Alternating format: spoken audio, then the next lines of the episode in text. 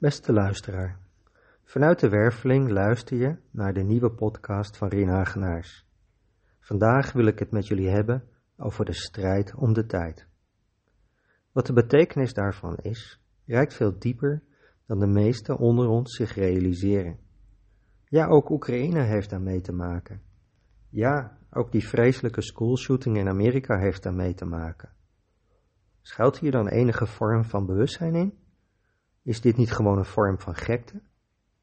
Wat is de reden dat ik hierover iets wil vertellen, zul je je wellicht afvragen. Wel, we zitten deze maan in de realm van de Warrior of Time. Oké, zul je denken, het gaat dus blijkbaar over strijden. Maar hoe relevant is dat eigenlijk? Wist je dat wanneer je de mensheid zou verdelen over onze 13 realms, circa 40% van de mensheid haar kracht in deze realm heeft liggen? Het is veruit de meest vertegenwoordigde groep zielen op aarde in deze tijd. Op de tweede en de derde plaats, op ruime afstand met 9%, staan de maarschalken en de zieners. Met andere woorden, voor een hele grote groep mensen is het fenomeen strijd de meest wezenlijke kracht in hun leven. Het is dan niet zo vreemd dat een gigabedrijfstak als de wapenindustrie in deze tijd zoveel invloed heeft in de wereld. POTUS Joe kan wel heel hard roepen dat hij een einde wil maken aan de vrije wapenhandel, maar hij zit er met zijn hele presidentschap zelf tot over zijn oren in. En hij niet alleen. Maar wat is strijd eigenlijk? Je zou strijd kunnen omschrijven als twee polen die los zijn komen te staan van elkaar. Twee tegenstellingen die op elkaar botsen. Dat kan op allerlei manieren. Het kan iets buiten je zijn, bijvoorbeeld twee overheden die op elkaar botsen, of Ruud en Nadal op Roland Garros. Strijd kan ook iets zijn wat zich in jezelf afspeelt. Bijvoorbeeld wanneer je iets graag wilt kopen en tegelijkertijd vindt dat het niet verstandig is. Of wanneer je in conflict raakt met je buurvrouw over het zwembad van haar kinderen dat vlak onder het raam van je eigen baby staat. Kenmerkend voor strijd is dat er twee of meer zaken met elkaar in botsing komen, waarbij het er vaak uitziet alsof de dingen niet direct met elkaar verbonden zijn, wat in essentie meestal wel zo is. In dit spel van strijd speelt het verstand, ook wel de mind genoemd, de grootste rol. Het is het verstand dat zich inzet om te bewijzen dat je gelijk hebt. Het verstand dat argumenten zoekt, zich laat steunen door herinneringen en bewijsmateriaal. Om dit alles te analyseren en zo, zonder enig spoor van twijfel, te kunnen onderbouwen dat een standpunt klopt. Dat is wanneer je kijkt naar iets buiten jezelf al een hele kunst. Kijk maar eens naar je eigen standpunt over de toeslagenaffaire in Nederland. Wanneer het gaat over iets van jezelf in relatie tot de wereld om je heen, wordt het nog ingewikkelder. Dat werd mooi zichtbaar bij de derde vaccinatieronde in de coronacrisis, nog niet zo heel lang geleden. En het toppunt bereik je wanneer het zich afspeelt binnen jezelf.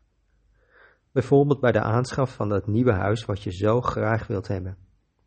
Het ene moment heb je het voor jezelf volledig doordacht en besluit je om toch geen bod te doen. Een dag later, je bent er nog een keer langs gereden en je bent er volledig van overtuigd dat dit het beste huis is om te kopen. Zonder blikken of blozen ben je in staat om 180 graden te keren in je standpunt. Het leuke in dit laatste voorbeeld, het wel of niet kopen van je droomhuis, is dat daarin het aspect van tijd een fascinerende rol speelt. Want naarmate het punt waarop je een bod moet uitbrengen dichterbij komt, des te lastiger wordt het om de knoop door te hakken. Je wacht, je overweegt, zal ik wel, zal ik niet? Nee, ja, wat wordt het? En dan krijg je het appje van de makelaar dat een ander het huis voor je neus heeft weggekaapt. Dus tijd brengt een heel eigen dynamiek in de wereld van strijd. In het klein zie je dat gebeuren, maar ook in het groot. Kijk bijvoorbeeld maar eens naar het verloop van de oorlog in Oekraïne. Als er geen snelle successen kunnen worden geboekt, slaat het moreel zomaar om. Als, Nadal dichter bij zijn verlies komt, neemt de druk op hem toe En het is uh, zelfs in de tenniswereld zo dat de tiebreak in het leven is geroepen om te voorkomen dat tenniswedstrijden te lang zouden duren. Kortom, tijd speelt een sleutelrol in de realm van de Warriors of Time. Of het nu gaat om deadlines, sportieve prestaties, marktposities, beursnoteringen, oorlog en vrede, reizen naar Mars. Overal waar sprake is van strijd, lijkt er sprake van tijd. Zou dat andersom ook gelden? Is er overal waar sprake is van tijd, sprake van strijd? Ah nee dus. Dat is het fascinerende van deze tijd, om er nog maar een schepje tijd bovenop te doen. Ik leg het je uit aan de hand van een voorbeeld. Stel je voor, je bent commandant van een Russische duikboot. Je moet nu een raket lanceren om een vliegveld in Oekraïne te bestoken. Het is oorlog, je bent getraind en bovendien vecht je voor een goede zaak. Het tijdstip waarop de raket gelanceerd wordt komt nauwkeurig, want er staat net een groot transportvliegtuig te laden. De klok tikt, het juiste moment en jij drukt op de knop. Nu stel je ook de commandant voor van een Oekraïense Missile Defense Unit. Hij staat in gesprek en iemand roept dat de Russen een raket hebben gelanceerd. Hij is binnen jullie bereik, de klok tikt en je weet dat je maar enkele seconden hebt om te reageren. Die vuile aanvallers, denk je bij jezelf. Je schreeuwt een bevel en iemand drukt op de knop om de tegenraket te lanceren. Vanaf dat punt gaat de tijd een nog grotere rol spelen in de strijd. Zal de missile op tijd zijn om de raket te onderscheppen?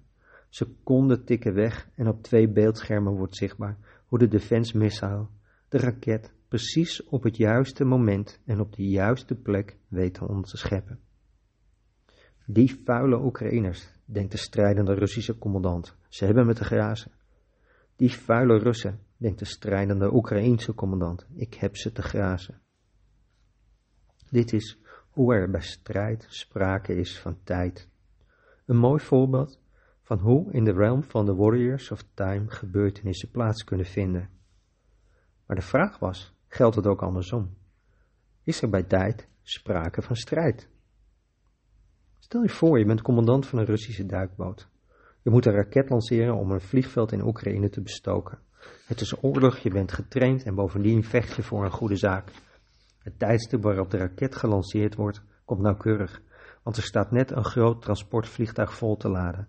De klok tikt, het juiste moment is daar en jij denkt, ach, aan de andere kant zitten mensen, net als ik. Het is zoals het is. Je houdt je handen in je zakken. Nu stel je de commandant voor van een Oekraïnse Missile Defense Unit. Hij staat in gesprek en denkt, de Russen zijn vandaag weer lekker rustig. Hij schreeuwt een bevel. Allemaal verzamelen om te klaverjassen op het grasveld. Kortom, hoe eenvoudig is het? om te laten zien dat er bij tijd niet altijd sprake hoeft te zijn van strijd. Wanneer je bent afgestemd vanuit een van je bewuste lagen, dan verandert de betekenis van het fenomeen tijd. Dat klinkt ogenschijnlijk, ogenschijnlijk makkelijk gezegd, maar wees je bewust dat voor het hanteren van de kracht in de Warriors Realm tijd een sleutelfactor is. Op het niveau van de meester draait het erom om precies zo lang te wachten als nodig is, om in één beslissende slag de juiste knoop te kunnen doorhakken, niet meer en niet minder. Mannelijke en vrouwelijke kracht, geest en lichaam, perfect in evenwicht. Het is de kunst van de samurai die de realm van de warriors of time beheerst. Een geweldige uitdaging voor die 40% van de mensheid om dit niveau in zichzelf te realiseren. Essentieel voor het voortbestaan van de mensheid. Want zij zijn het die in deze nieuwe tijd van het hart, op precies het juiste moment, met één beslissende slag, hun oude geloofssysteem doormidden zullen slaan. Wat een heel nieuw tijdperk voor de Warriors of Time zal openen. Want hoe doe je dat? Wanneer tijd niet meer collectief lineair is, wanneer individuele tijd de klok bepaalt? Daar zit je dan als commandant van je Russische duikboot. Terwijl jij wilt aanvallen, zitten de Oekraïners gezellig te klaverjassen. Wanneer je naar aanleiding van deze podcast vragen hebt, dan kun je mij ontmoeten in de Werveling of de website van het magischhart.nl bezoeken. Ik wens je veel plezier en graag tot de volgende keer.